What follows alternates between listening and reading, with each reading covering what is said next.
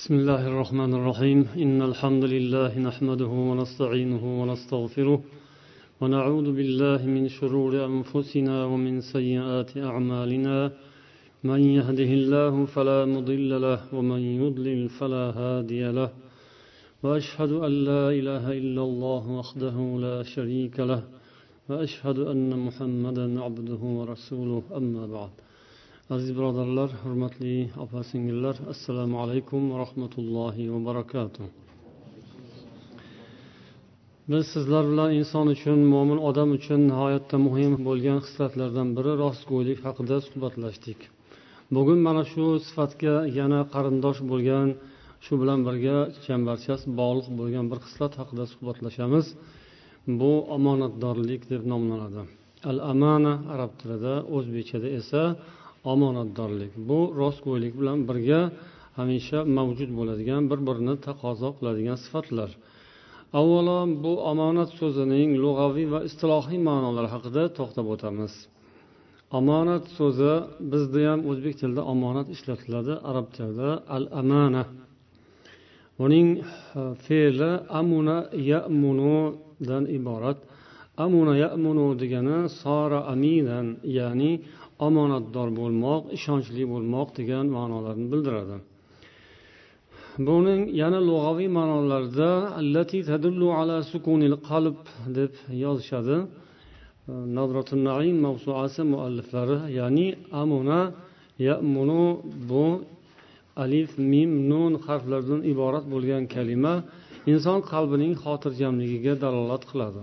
Qalb tinchlansa xotirjam bo'lsa buni amuna mana shu amonat kalimasi bilan bog'liq holda talqin qilinadi. Amintur rajula amnan va amanatan va amanan degan iborani sharhlab aytishadi. Demak bir odam bir insonni agar amin deb bilsa mana shu so'zni aytadi. Buning ma'nosi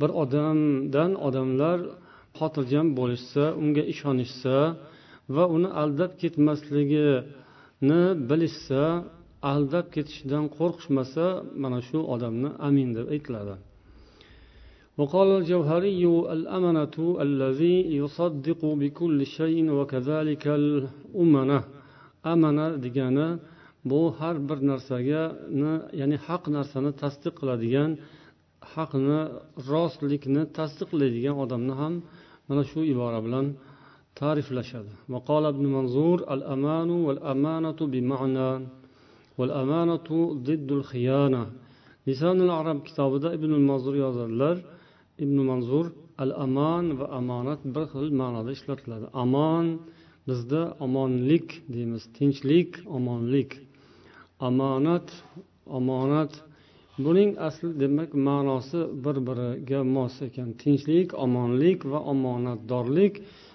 yaqin ma'nolarda yoki bir xil ma'noda kelar ekan وقال ابن أثير الأمنة جمع أمين وهو الحافظ aminning ma'nosi hofiz degani ya'ni saqlovchi himoya qiluvchi degan ma'noda keladi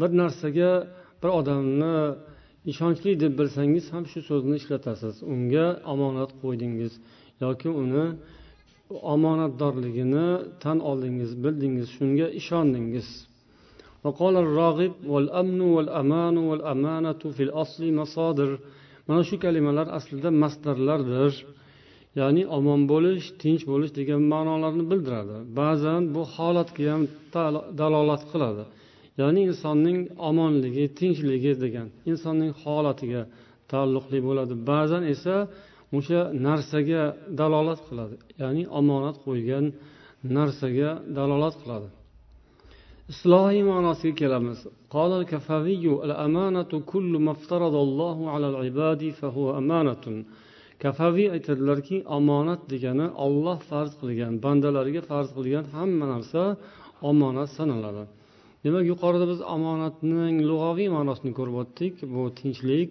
omonlik degani ishonch degani. Birovga ishonsangiz o'sha odam amin bo'ladi. E, bu lug'aviy ma'nosi qalbni tinchligi ham bor bu yerda. Endi islohiy ma'nosida mana hozir aytganimizdek olloh nimaiki farz qilgan bo'lsa namoz zakot ro'za va qarzni ado qilish bular hammasi omonatga kiradi. Eng muhimi omonat qo'yilgan narsalar bo'ladi omonat qo'yilgan narsalarning eng ta'kidlangani esa sirlarni yashirishdir deydilar وقيل هي خلق ثابت في النفس يعف به الإنسان عما ليس له به حق yana omonat ta'rifida ya'ni omonatning istilohiy ta'rifida shunday ta'rif keltiriladiki bu inson nafsida tabiatida mavjud bo'ladigan bir xulq. Insonning xulqlaridan biri bilasizlar xulq har xil xulq bo'ladi. Yaxshi xulq bor yomon xulq bor. Biz hozir faqat yaxshi xulqlar haqida gapiryapmiz. Yigirmaga yaqin suhbat e, hozir e'lon qilingan bo'lsa bu hammasi yaxshi xulqlar haqida bo'lyapti. Yomon xulqlarga ham navbat keladi bu omonat omonatdorlik inson tabiatida mavjud bo'ladigan bir xulq.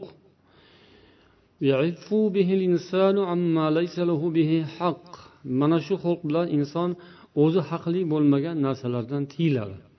O'zi haqdor bo'lmagan o'zi loyiq bo'lmagan narsadan o'zini tiyadi o'zini pok tutadi o'zini uzoq tutadi o'zini baland tutadi. Shu omonatdorlik bo'ladi. Agar unga tajovuz qilish mumkin bo'lgan sharoit yaratib berilsa ham.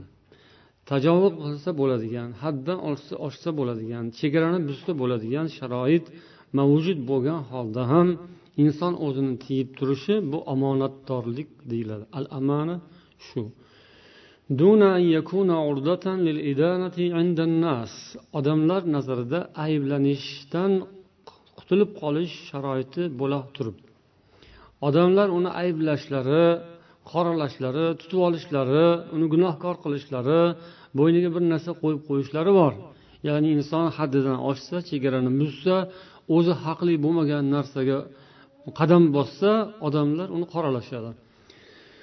Omonat shuki odamlar uni tutib olmaydilar. Tutib olish yoki qoralash ayblashdan xoli bo'lgan sharoitda ya'ni birov ko'rmaydigan birov bilmaydigan sharoitda o'ziga loyiq bo'lmagan ishni haqni olmaslik tajovuz qilmaslik chegaradan o'tmaslik shu omonat.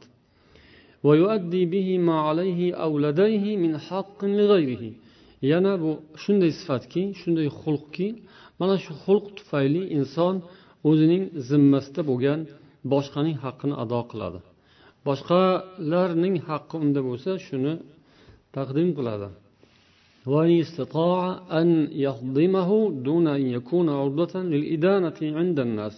Bu ham odamlar nazarida ayblanmasdan ayblanmasdan shu ishni qilganligi fosh bo'lmasdan bemalol o'sha haqni birovning haqqini hazm qilib o'ziga o'zlashtirib yuborish imkoniyatiga ega bo'lgan holatda shunday imkonga ega bo'lgan bo'la turib shu haqqa tajovuz qilmaslik bu omonat bo'ladi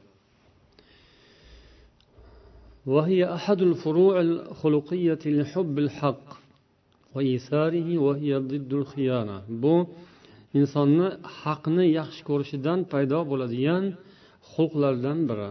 Inson haqiqatni rostlikni haqni yaxshi ko'rgan odamda bir qancha yana qo'shimcha xulqlar paydo bo'ladi. O'sha xulqlardan biri shu omonat ya'ni omonatdorlik. Inson haqiqatni yoqtiradigan inson bo'lsa demak unda omonatdorlik paydo bo'ladi. Mualliflar ya'ni nadratun naim mavsuasi qomusida yozishadi.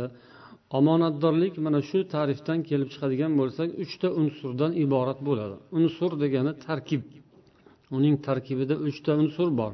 Yoki element ham deb qo'yishadi uchta xil elementdan iborat uch xil tarkibdan iborat bo'ladi omonatdorlik. Yoki al amana al avvalu iffatul amin amma laysa lahu bihi haq o'sha aminning ya'ni amin degani kim bo'ldi? Omonatdor odam bo'ldi. Omonatdor odamning o'ziga tegishli bo'lmagan haqdan pok ekanlik. O'ziga aloqasi bo'lmagan birovlarning boshqalarning haqidan u pokiza odam bo'ladi. Bu birinchi tarkib uning tarkibida bor birinchi sifat.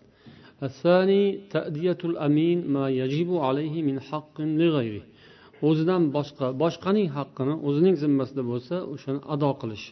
Demak amin odam tez ado qiladi o'zining ustidagi zimmasidagi boshqalarning haqqini tez ado qiladi. Uchinchisi amin o'ziga omonat qo'yilgan narsalarni salomat saqlashga ahamiyat beradi. Manga shu omonatga berilgan bu birovni haqqi bir kun topshirishim kerak buni egasi bor degan tashvish uni dilida bo'ladi uni saqlay oladi. Shunga e'tibor beradi ehtimom beradi. Mana shu uchta sifat. Shunga beparvolik qilmaydi.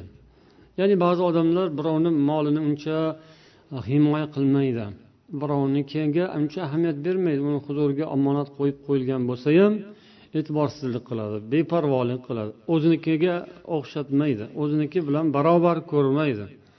o'zinikini afzal biladi ustun tutadi boshqanikini pastroq ko'radi bu odam amin emas bu odam demak omonatdor emas omonatdorlik o'rinlari majalatul amana qayerlarda bo'ladi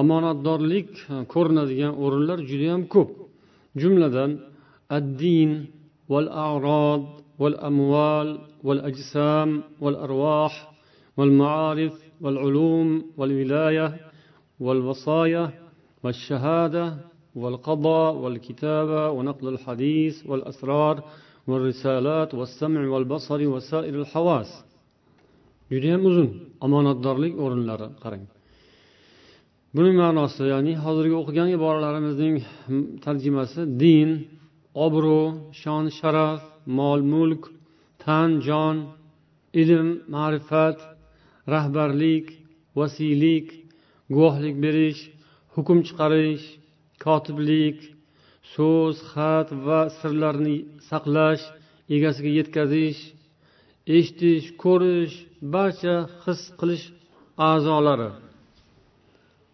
Subhanalloh bir biriga bog'liq holda kelyapti lekin o'zini boshqa bir tomondan olsangiz bir biriga bog'liq emas. Bir biriga xuddi mos tushmaydigan narsalar. Lekin shularni hammasi bir ipga tizilib kelyapti. Hammasi nimaga daxldor ekan? Hammasi omonatdorlikka daxldor ekan. Ya'ni omonatdor insonning holatlari shunga bog'liq bo'ladi. Omonatdor inson mana shu holatlarning hammasida ko'rinib turadi. Uning omonatdorligi dinda ko'rinadi. Ya'ni odam dini yaxshi bo'ladi.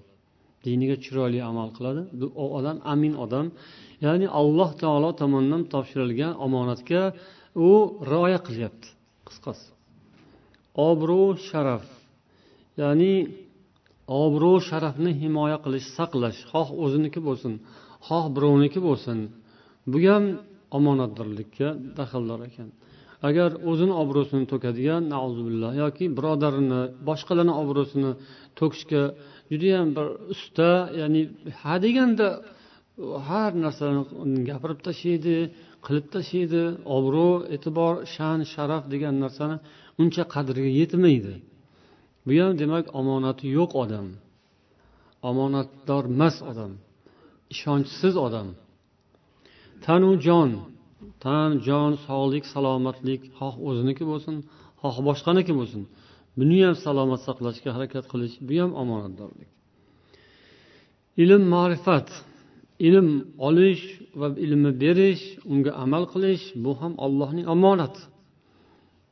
Uni o'zgartirmaslik haqiqatni o'zgartirmaslik ilm qanday bo'lsa o'shanday yetkazish burmaslik buzmaslik bu ham omonatdorlikka daxldor. Rahbarlik. Kimga olloh rahbarlikni bergan bo'lsa uni ham qoidasiga muvofiq tutib turish unga rioya qilish bu ham omonatdorlikka kiradi. Vasiylik kimnidir ishi kimgadir topshirilgan bo'ladi. Masalan bolaning yetimning ishi yoki ota onasi yo'q go'dakning ishi vasiyligi kimgadir topshiriladi. U shunga vasiy unda javobgar. Bu ham omonat. Guvohlik. Nimadir haqida siz guvohlik berishingiz kerak. Birov haqida gapirasiz. Xoh to'g'ri xoh yaxshi xoh yomon deb gapirish. Borini gapirish. Qo'shmaslik kamaytirmaslik guvohlik berish to'g'ri guvohlikni bajo qilish bu ham omonatdorlik va aminlikka kiradi. Amin odam omonatdor odam allohdan qo'rqadigan odam guvohlikni to'g'ri ado qiladi. Hukm chiqarish. U qozi bo'lsa hukm chiqarayotgan mahalda to'g'ri hukm chiqaradi. Bu ham shunga kiradi. Kotiblik yozuvchilik bir narsani yozadi. Sekretar deyiladi kotib deyiladi. Bu ham omonatdor odam bo'ladi. Yoki so'zlar xatlar sirlar bularni egasiga yetkazish yoki saqlab turish bu ham omonatdorlik. Endi eshitish ko'rish barcha sezish his qilish a'zolari bu ham omonatdorlikka kiradi. Sababi qanday qilib? Bularni olloh bizga omonatga bergan va nimaga bergan bo'lsa o'shanga ishlatish kerak. O'sha yo'nalish bo'yicha shu o'rnida o'zining vazifalarida ishlatishni omonatdorlik deyiladi. an abi zarrin roziyallohu anhu qol yuqoridagi aytilganlarga bir misol bu قلت يا رسول الله ألا تستعملني abu zar roziyallohu anhu rasulullohga aytdim deydilar yo rasululloh manga ham biror amal bermaysizmi ya'ni biron bir voliylik hokimlik shunaqa rahbarlik vazifalarga mani ham olmaysizmi deb aytdim Yelkamga rasululloh sollallohu alayhi vasallam urdilar. Keyin aytdilarki ya abazar innaka zaif. Ey abu zar sen zaifsan san kuchsizsan. Va innaha amana. Bu san so'rayotgan narsa omonatdir. Va innaha yawmal qiyamati khizyun va nadama. Bu qiyomat kuni xorlik va afsusu nadomatdir. Illa man akhadaha bihaqqiha illo kimki haqli bo'lib olsa bundan mustasno. Mana shu borada uning ustida bo'lgan haqni ado qilsa bu bundan mustasno dedilar. Muslim rivoyat qilgan hadis. Demak inson o'zi loyiq bo'lmagan o'rinlarga burnini tiqish intilish o'zini har narsaga loyiq deb bilish to'g'ri emas. Shunday ishni qiladigan odamlar qiyomat kuni xor bo'ladilar qiyomat kuni rasvo bo'ladilar qiyomat kuni afsus nadomatda qoladilar. Inson o'zi loyiq bo'lgan narsa nimaligini bilishi kerak. Loyiqmi loyiq emasligi o'zini aqli yetsa aqlli odam bo'ladi. Ba'zi odam o'zini aqli yetmaydi. Aqli yetib tursa ham nafsi qo'ymaydi. O'zini uraveradi o'tga cho'qqa. O'sha narsani qo'lga kiritishga harakat qiladi. O'zi loyiq bo'lmagan narsalarga davo qiladi. O'ziga o'zi yomonlikni ortib oladi. Alloh taolo ahzob surasida yetmish ikkinchi oyatda aytgan.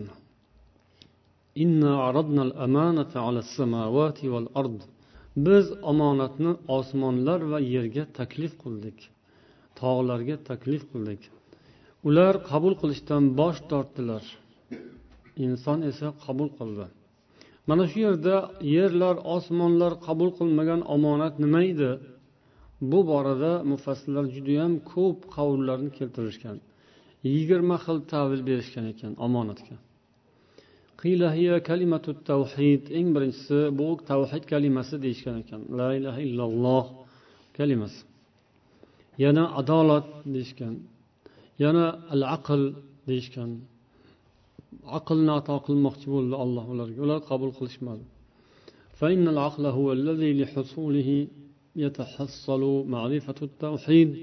Chunki aql mana shu tavhid ma'rifasini tavhid ma'nosini bilimini hosil qilish shu aql bilan bo'ladi va adolatu haqlaru va hokazo narsalar shu aql bilan qo'lga kiritiladi bu bilan ilm olinadi inson toqati yetadigan narsa o'rgansa bo'ladigan narsani o'rganadi amal qila oladigan narsalarga ham shu tufayli amal qiladi mana shu aql sharofati bilan inson boshqa ko'pgina maxluqotlardan ustun qilingan yana tobariy yozadilarki mana shu kalima shu ma'no oyatda judayam ko'p ixtiloflar har xil qavullar keltirildi فقال بعضهم المعنى أن الله تعالى وتبارك alloh taolo o'ziga toat qilishni ibodat qilishni farzlarini bajarishni osmonlar yerlar va tog'larga taklif qilib ko'rdi. Ularga aytildiki agar qabul qilsangiz sizga buning evaziga mukofot bo'ladi. Agar qabul qilib zoyi qilsangiz ya'ni bajara olmasangiz jazo bo'ladi azob bo'ladi. Ular bundan qo'rqdilar va uni qabul qilishdan bosh tortdilar. Yana tabariy o'zlarining kitoblarida mana bu rivoyatni ham keltirganlar. Abdulloh ibn abbos aytadilar omonat mana shu oyatda zikr qilingan omonat allohning yuqorida aytilgandek toati ibodatini taklif qilish uni ular qabul qilmaganlaridan keyin odamga olloh taklif qildi. Odamga taklif qilishdan avval osmonlarga va yerlarga taklif qildi keyin odamga taklif qildi. Keyin Ah, sen buni qabul qilasanmi? Uning haqqi bilan birga. Faqola ya robbi vama fiha? Unda nima huquqlar bor? Olloh aytdiki agar sen buni qabul qilib amalga ado qilsang chiroyli bajarsang senga mukofot. Agar bunga amal qilmasang jazo bo'ladi. Odam buni qabul qildi deydilar. Endi bu boradagi tavillarda yana aytishadiki mana bir necha xil tavillar berilgan deydilar imom tabariy lekin birontasini e, alloh taolo qur'oni karimda xoslab gapirmagan. Omonat degan xolos. Shuning uchun bu omonatning mana yigirma xil ma'nosi bor deb aytildi. E, jumladan namozu ro'zayu g'uslu xalifalik va hokazo va hokazo juda ko'p ma'nolar. Bularning hammasini o'z ichiga olish kerak deydilar imom tabariy birontasini alohida ajratib aytilishi to'g'ri bo'lmaydi. Balki qurtubiy ham aytadilarki al amanatu din din vazifalarining dinda buyurilgan ko'rsatilgan ishlarning hammasini olloh buyurgan bandalarga yozgan ishlarning hammasi bu omonatga kiradi. Birontasini qoldirmasdan barchasini amalga oshirishga intilish kerak deydilar imom qurtubiy yana alohida ta'kidlanadigani molu mulk masalasidagi omonatlar deyilgan ekan إيمان لمن لا أمانة له أي لمن لم يحفظ هذه الأمانات qurtubiy yozadilarki kimning omonatdorligi bo'lmasa uning iymoni yo'qdir ya'ni omonatlarga rioya qilmasa beparvo bo'ladigan bo'lsa bu inson iymonsiz odam bo'ladi. Ya'ni iymon undan ketib qoladi deydilar. Yana mualliflar al amanatu fil qur'onil karim qur'oni karimda ishlatilgan keltirilgan omonat kalimasining ma'nolarini ibnul javziy uch xil ma'noga jamlaganlar deydilar. Birinchisi faroiz ya'ni yuqorida aytib o'tdik hamma ishlar. Ikkinchisi al vadia ya'ni omonat qo'yilgan mol mulk uchinchisi al iffa ya'ni insonning pok domonligi o'zini pokiza tutishligi o'zini o'ziga loyiq bo'lmagan narsalardan uzoq saqlashi. Payg'ambarlar alloh taoloning shunday bandalariki ularda ko'zga tashlanib turadigan asosiy xulqlari mana shu omonatdorlik bo'lgan ekan. Min الرسل rusul alayhimussalatu والسلام nuh alayhissalom hudu solihu lutu shuayb alayhissalom alayhissalomlarning barchalarini tillaridan alloh taolo shuaro surasida ularning hammalari o'zlarining qavmlariga borgan paytlarida da'vat bilan ro'baro bo'lgan paytlarida mana shu bir xil so'zni aytishgan. Inni lakum rasulun amin. Men sizlarga rasulman aminman ya'ni omonatdor elchiman deb aytishgan hamma payg'ambarlarning tillarida bir xil mana shu so'z takror bo'lgan. Ya'ni bu degani eng omonatdor kishilar payg'ambarlar bo'lishgan. Ularga olloh nimani topshirgan bo'lsa o'shandaycha kamaytirmasdan yetkazishgan. Bularning ishlarida rasulimiz muhammad sollallohu alayhi vasallam omonatdor edilar. Islomdan avval ham islomdan keyin ham. Ya'ni islomga kelgandan keyin ham. U kishini hammangiz bilasiz hali payg'ambar bo'lmaslaridan avval ham omonatdorlik bilan nom chiqarganlar hatto makkadan hijrat qilib ketayotgan paytlarida ham o'rinlariga ali roziyallohu anhuni qoldirib ketganlar. Buning sababi ham deyishadi ulamolar omonatdorliklari edi. Ya'ni u kishining zimmalarida makkaliklar ya'ni mushriklar kofirlar omonat topshirgan narsalar bor edi. O'sha narsalarni topshirishlari kerak edi. Chiqib ketish kerak tez topshirish kerak omonatni. U ham zarur bu ham zarur. Qaysini qilish kerak? Ha bo'ldi mandan endi soqit bo'ldi. Mani ahvolim og'irlashib qoldi holim tang bo'lib qoldi deb ancha muncha odam o'zini ma'zur hisoblaydi. Nima qilay man qo'limdan kelmaydi deydi va parvo qilmasdan ketaveradi. O'ylamaydi. Bu ham omonatsizlik omonatdorlikka xilof. Payg'ambar sollallohu alayhi vasallam o'shanday og'ir sharoitda ham o'zlarining zimmalaridagi omonatlarni egalariga yetkazishni ali roziyallohu anhuga ta'kidlab topshirib o'rnlariga qoldirib ketdilar. Qanchalik xavfli bo'lmasin. Har qancha xavfu xatarli bo'lsa ham rasululloh sollallohu alayhi vasallamga bo'lgan xavf xatardan ali roziyallohu anhu ham uzoqda emasdilar. Payg'ambarlar ana shunday omonatdor bo'lishadi va ularga ergashgan insonlar ham shunday omonatga rioya qilishadi. Yana abdulloh ibn abbos roziyallohu anhudan rivoyat qilingan hadisda abu sufyon hiraql bilan uchrashgan paytda hali u paytda musulmon bo'lmagan holat hiraql abu sufyondan payg'ambar alayhissalom sifatlarini so'raydi. O'shanda u kishi zikr qilgan sifatlarni ichida namoz rostgo'ylik pokdomonlik ahdiga vafo omonatni ado etish shularni sanagan. Ya'ni shunga chaqiryapti bizni deb. Shunda hiraql aytganki bu payg'ambarning sifatlari degan. Payg'ambarlarda shunday sifat bo'ladi. Ya'ni allohni yo'lida haq yo'lga da'vat qilayotgan insonda mana shu sifat bo'ladi. Omonatdorlik bo'ladi qiyin bo'lsa ham bu narsaga rioya qilish ba'zan qiyin bo'lib qoladigan bo'lsa ham lekin payg'ambarlar va ularning ashoblari ularga ergashgan mo'min musulmonlar buni ado qilishga harakatda bo'lishadi. Omonatdorlik xullas kalom mo'minlik alomati xiyonat esa munofiqlik alomati alloh taolo mo'minlarni qur'oni karimda maqtaganda ham mana shunday maqtagan. Mo'minun surasida maorij surasida. Ular shunday zotlarki ahdlariga va'dalarga vafo qiladilar rioya qiladilar omonatlarni ham rioyasini qiladilar degan والمؤمن من أمنه الناس على دمائهم وأموالهم dedilar yana rasululloh sollallohu alayhi vasallam mo'min shundayki odamlar undan qo'rqishmaydi mo'min odam shundayki odamlar unga ishonishadi o'zlarining qonlari va molu jonlarini unga ishonadigan odam mo'min bo'ladi Yana abdulloh ibn abbos aytadilar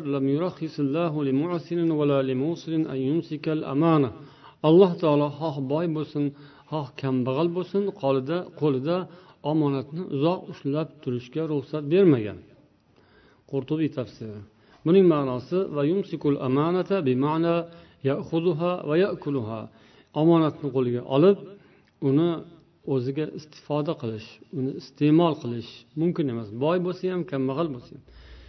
Ba'zi kambag'al odamlarni qo'liga omonat tushib qolsa o'zi majbur bo'lib qoldim deb ishlatib yuboradi pul bo'lsa ishlatib yuboradi o'rniga qo'yib qo'yaman deydi.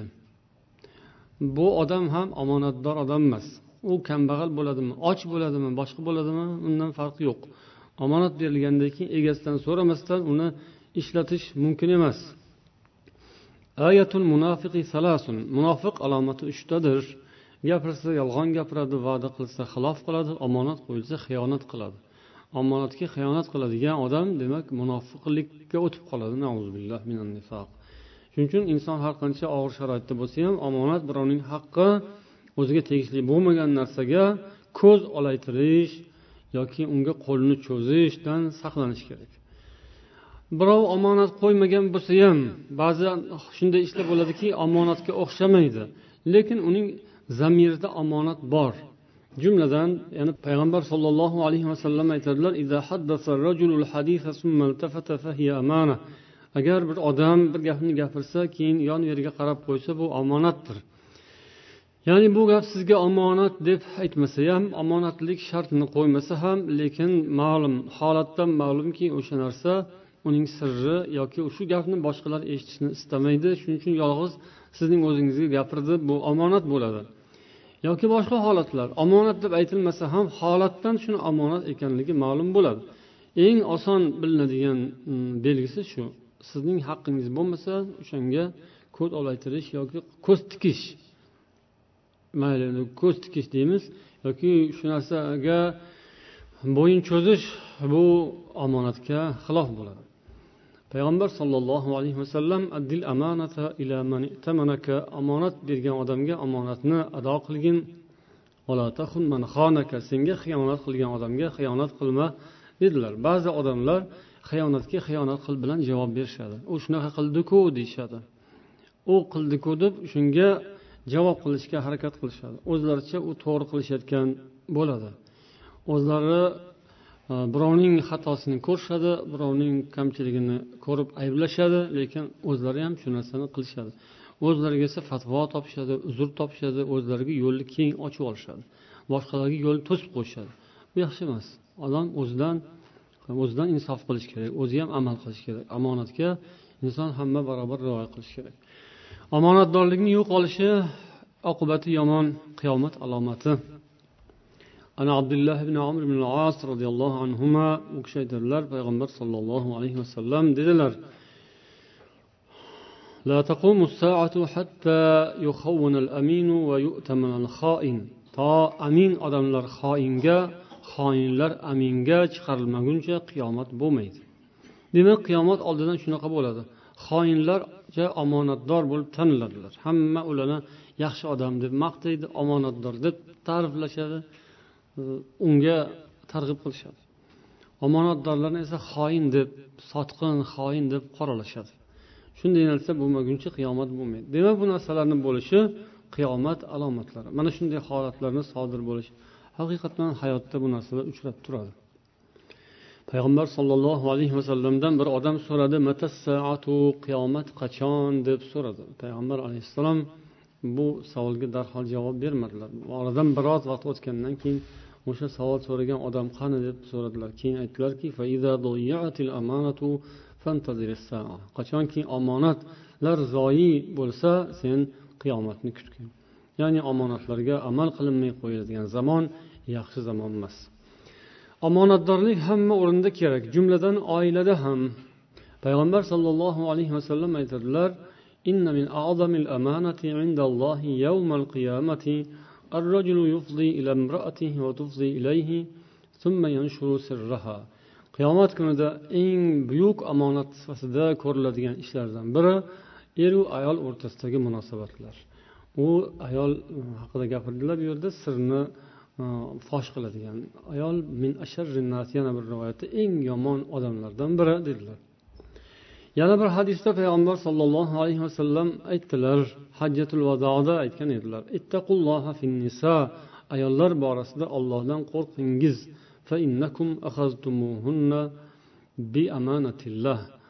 Ollohdan qo'rqingiz chunki sizlar ularni ollohning omonati bilan o'zingizga olgansizlar. Demak erkak ham ayol ham bir biriga omonatdor sifatida muomalada bo'lishi kerak oilada.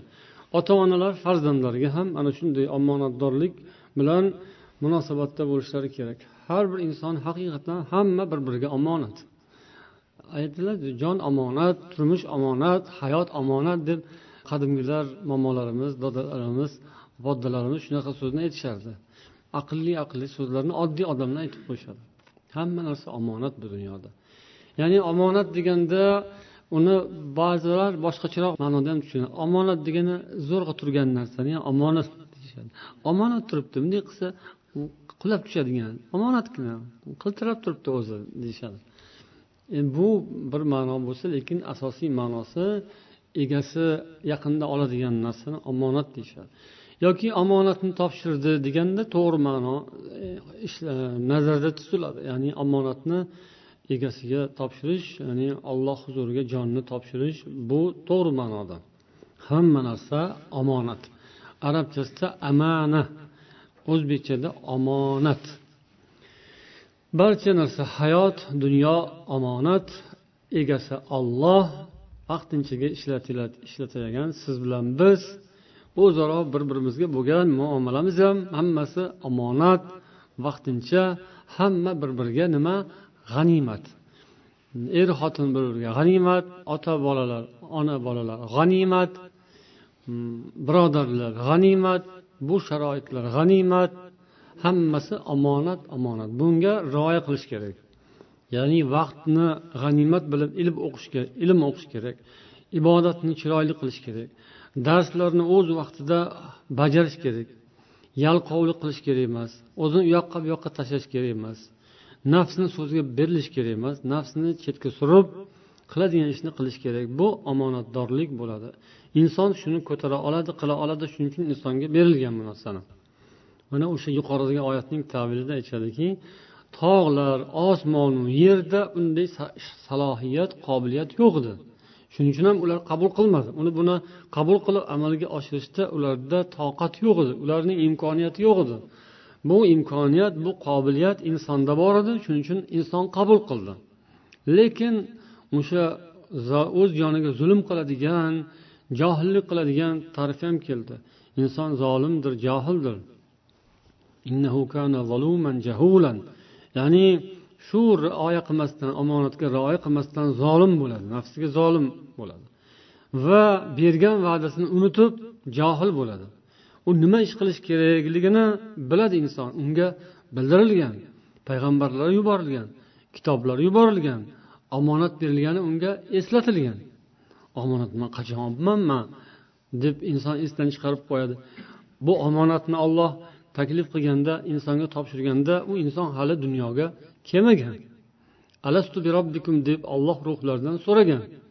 Qolu bala ha sen bizning robbimizsan deb barcha ruhlar javob berishgan alloh o'sha savol javobni ahdu paymonni va'dalashuvni yoki bu oyatda aytilgan omonatni qabul qilganini keyin insonga nima qilgan? Eslatgan. Eslatish nima bilan bo'ladi? Eslatish payg'ambarlar va kitoblar bilan bo'ladi. Olloh hamma insonlarga payg'ambar yuborgan hamma insonlarga kitob yuborgan illo orada qaysi fatrat bo'ladi? Bir zamonlar o'tgan payg'ambarsiz kitobsiz ularni ham alloh taolo ularga ham alloh zulm qilmaydi. Ularni ham hisobini chiroyli qiladi. Asosiy gap payg'ambarlarning so'zi yetgan kitoblari yetgan odamlar haqida. Ular shu narsaga rioya qilishsa ular to'g'ri qilgan bo'lishadi. Lekin kimki rioya qilmasa o'z joniga zulm qilgan bo'ladi. Ular kimlar ekan? Yuqorida o'tdi. Kimlar ekan? Kofirlar va munofiqlar. Munofiqlar eng yomoni olloh asrasin. Endi suhbatimizning so'ngida min favoidil amana omonatning foydalari yoki omonatdorlikning e, xulosalari natijalari. Al amanatu min kamalil iymon va husnul islom omonatdorlik iymon kamolotidan va islomning chiroyli ekanidan. Kimni agar omonatdor deb bilsangiz ya'ni aytgan gapida turadi bir narsani ishonsangiz bo'ladi unda berib esingizdan chiqib ketsa ham uni esdan chiqmaydi. U uni ushlab turadi albatta egasiga yetkazadi topshiradi unga tajovuz qilmaydi. Xotirjamsiz xuddi o'zingizning bir mm, xotirjam mustahkam joyga bekitib qo'ygandek narsangizni shunday bo'lsa kimga? O'sha odam iymoni komillik alomati islomiy ham chiroyli odam bo'ladi o'sha. Ikkinchisi osmonlaru yerning ishi shu omonatdorlik ustida qoyim bo'lib turadi. Uchinchisi hiya mihvaruddin va imtihanu robbil alamin. Dinning mehvari dinning o'zagi din shu atrofida aylanadi. Din mana shu ustiga quriladi ya'ni omonatdorlikka. Qanday qilib desak biz shuni qabul qilib oldik. Shu qabul qilganimiz uchun amal qilyapmiz. Omonatga xilof qilib qo'ymaylik deb. Shu bilan din amalga oshadi. Din vujudga keladi. Din vujudga kelishi uchun insonlar ishonchli bo'lishi kerak omonatdor bo'lishi kerak. Mo'minlar omonatdor odamlar bir biriga ishonishadi va ko'p hayot ishi ham shunga bog'liq bo'ladi. Din va dunyo ishlari. Bil amonati to'rtinchisi yuhfazu din val arob val amval omonat tufayli din saqlanadi obro' saqlanadi mol mulk saqlanadi jismu jon ruh ma'rifat ilm rahbarlik va hokazo yuqorida aytdik. Guvohlik hammasi omonat tufayli o'zini o'rnida turadi. Haqiqatdan masalan birov bir insonga bir narsani omonat qilib bergan bo'lsa yo'lda ketayotgan bo'lsa bir falokatga duch bo'lsa o'sha omonat berilgan narsa yo'q bo'lib ketsa haligi omonat qabul qilgan odam shunaqa shunaqa bo'ldi desa u odam shu narsaga nima bo'lmaydi? Zomin bo'lmaydi. Kimki agar birovga omonatga bir narsa bergan bo'lsayu o'sha omonatga bergan narsa o'g'ri olib ketsa yo'qolib qolsa yoki kuyib ketsa oqib ketsa va hokazo bir falokatga duchor bo'lsa omonatdor odam javob bermaydi. Omonatga bergan odam davo qilishga haqqi yo'q. Agar o'sha odam haqiqatdan mo'min musulmon sifatga ega bo'lgan bo'lsa omonatdor deb bilingan bo'lsa javobgar bo'lmaydi zomin bo'lmaydi. Chunki agar har bir omonat qabul qilgan odamni omonat yo'qolganda zarar yetganda javobgar qilinadigan bo'lsa hech kim omonat qabul qilmaydi. Omonatdorlik yo'q bo'ladi o'zidan o'zi. Odamlar o'rtasida ishonch yo'q bo'lib ketadi. Bu islomni bir kattakon ahkomini buzish bo'ladi yo'qqa chiqarish bo'ladi. Ishonch o'zaro ishonch katta narsa ulug' ne'mat baxt bu mo'minlarda bor musulmonlarda bor. Shu ishonchni yo'qqa chiqarish kerak emas. Shuning uchun har bir odam o'ziga bildirilgan ishonchni oqlash kerak. Topshirilgan vazifani bajarish kerak o'z vaqtida. Dars bo'lsa yoki boshqa topshiriq bo'lsa vazifa bo'lsa bajargan odam omonatdor bo'ladi. Bajarmagan odam omonatdor bo'lmaydi u. Omonatida nuqson bor uni. Omonatdorligida nuqson bor. Unga ikkinchi bir ish buyurishga odam o'ylanib qoladi. Omonatni ham yaxshi saqlamagan odamga omonat topshirmaysiz. Omonatga xiyonat qiladigan qo'li egri odamga hech kim omonat topshirmaydi. Undan uzoq bo'lishadi va u tanilib qoladi. Ya bu odam ishonchsiz odam. Bunga gap ham gapirib bo'lmaydi sir ham aytib bo'lmaydi ish ham topshirib bo'lmaydi. Bu bo'lmaydi bu odam. O'sal odam deyiladi. Boshqa odam qidirasiz. Kim omonatdor bo'lsa ishonchli bo'lsa gapini ustidan chiqadi va'da qilsa bajaradi ishni bo'yniga olsa topshiriqni bo'yniga olsa bajaradi. O'shanday odam bilan din va dunyo barpo bo'ladi. Shundan kelib chiqib agar o'shanday odam siz ishonib topshirdingizmi keyin u omonat bir narsa bo'ldi yo'qoldi siz unga ishonasiz. Uning so'ziga ishonasiz. O'sha omonatdor odam mana shunaqa shunaqa shunaqa bo'ldi desa ya'ni yo'lda ketayotganda mashina halokatga uchradi. Yoki bir falokat yuz berdi. Toshqin yo zilzila yoki e, o't ketib olov va hokazo ishlar bo'lib o'sha narsa yo'q bo'lib ketdi deb u to'g'ri sizga tushuntirib bersa uni ham sharoitlari bor ba'zi jihatlar. Ya'ni o'sha inson holatga qaraladi agar aldamayotganligi aniq bo'lsa holat tasdiqlab turgan bo'lsa uning so'zini gapini ishoniladi. Mana shunday qilib o'rtada omonatdorlik o'zaro ishonch katta narsa ekani ma'lum bo'ladi. Bu islom dinimizda din shuni ustiga qurilyapti mana ko'rsangiz. Inni rasul inni ilaykum rasulun amin. Har bir payg'ambarning so'zlari shu bilan boshlangan va din shu bilan boshlangan shuni ustiga qurilgan. Odamlar o'sha payg'ambarning aminligiga ishongandan keyin uni diniga kirgan. Keyin bu din tarqagan agar u payg'ambar omonatdor bo'lib tanilmaganda din yurmasdi din odamlarga tarqalmasdi. Endi shuning davomi ham shunday bo'ladi. Musulmonlar omonatdor bo'lsalar ishlari davomiy bo'ladi chiroyli bo'ladi. Beshinchisi al aminu yuhibbuhullohu va yuhibbuhun nas amin odam omonatdor odamni olloh ham yaxshi ko'radi odamlar ham yaxshi ko'rishadi. Oltinchisi min a'zami sifatil xuluqiyya allati vasafallohu biha ibadahul mu'minin. Bu demak inson mo'min insonlarni olloh yaxshi so'zlar bilan ta'riflagan maqtagan mo'min insonlardagi eng ko'zga ko'rinib turadigan sifatlardan biri omonatdorlik. Mo'min odamlar shunday bo'lishadi. Yettinchisi yana o'shanga qo'shimcha qilish mumkinki mo'min odam musulmon odamni mana qayerda bo'lsa ham bir notanish yurtda borib bir odamni assalomu alaykum deganda eshitsangiz yayrab ketasizku. Ya'ni begona yurtda yurgan paytingizda xuddi begonalar ichida yurganday bo'lasiz. Odamzod bir biriga ko'p o'rinda xuddi vahshiy hayvonga qaragandek qaraydi. Ba'zilarda shunaqa falsafa bor. Hech kimga ishonma degan falsafa bor. O'zingdan boshqaga ishonma. Diktatorlar zolimlarda shunaqa falsafa. Ular o'zi yo'lni buzib qo'ygan ulardan ishonch ketgan o'zi ham hech kimga ishonmaydigan bo'lib qolgan. Qanday baxtsizlik. Million million odam uni qo'lida ishlaydi yoki fuqaro bittasiga ham ishonmaydi. Yigirma o'ttiz million aholi bittasiga ham ishonmaydi. U yigirma o'ttiz millionni bittasi ham unga ishonmaydi. Nimadan? Omonatdorlik yo'qolgan ishonchsizlik vujudga kelgan bir birini aldash ustiga qurilgan bu jamiyat va hayot uning noni bo'lib qolgan. Yolg'on aldamchilik shu bilan u to o'lguncha shunday shunaqa qilmagan kuni o'ladi. Go'yoki uning nazarida. Omonatdorlik mo'minlar uchun baxt. Mo'min musulmon odamlar alhamdulillah. Bir birini tanimasa ham tilini bilmasa ham. Bir boshqa shaharga borganda bir bunday ko'rsangiz nimadandir ma'lum bo'ladi. Kimlarnidir endi soqolidan kimnidir so'zidan mayli endi. Uning belgilarini topib oladi musulmon odamlar. Yoki bir og'iz so'z assalomu alaykum.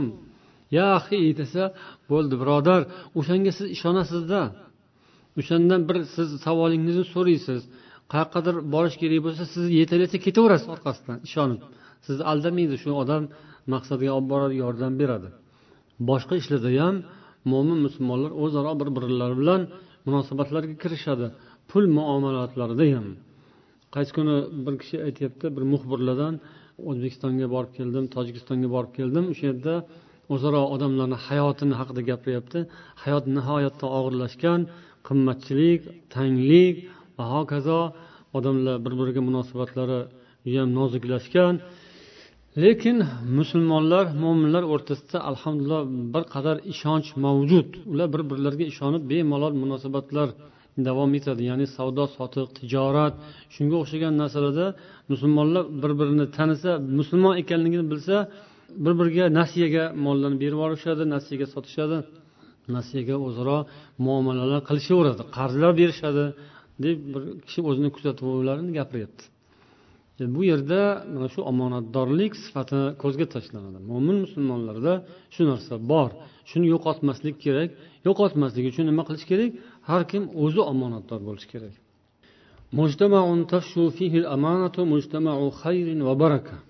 Yettinchi xulosa omonatdorlik um, tarqalgan mujtama ya'ni jamiyat bu yaxshilik va barakali jamiyatdir o'sha jamiyatda yaxshilik bo'ladi va baraka bo'ladi alloh barchamizni mana shu sifat bilan o'zi ziynatlasin ilohim ziyoda qilsin bir birimizga bo'lgan ishonchimiz mustahkamlansin va buning samaralari ilohim bu dunyoda ham oxiratda ham nasib bo'lishini allohdan so'rab qolamiz سبحانك اللهم وبحمدك أشهد أن لا إله إلا أنت أستغفرك وأتوب إليك السلام عليكم ورحمة الله وبركاته.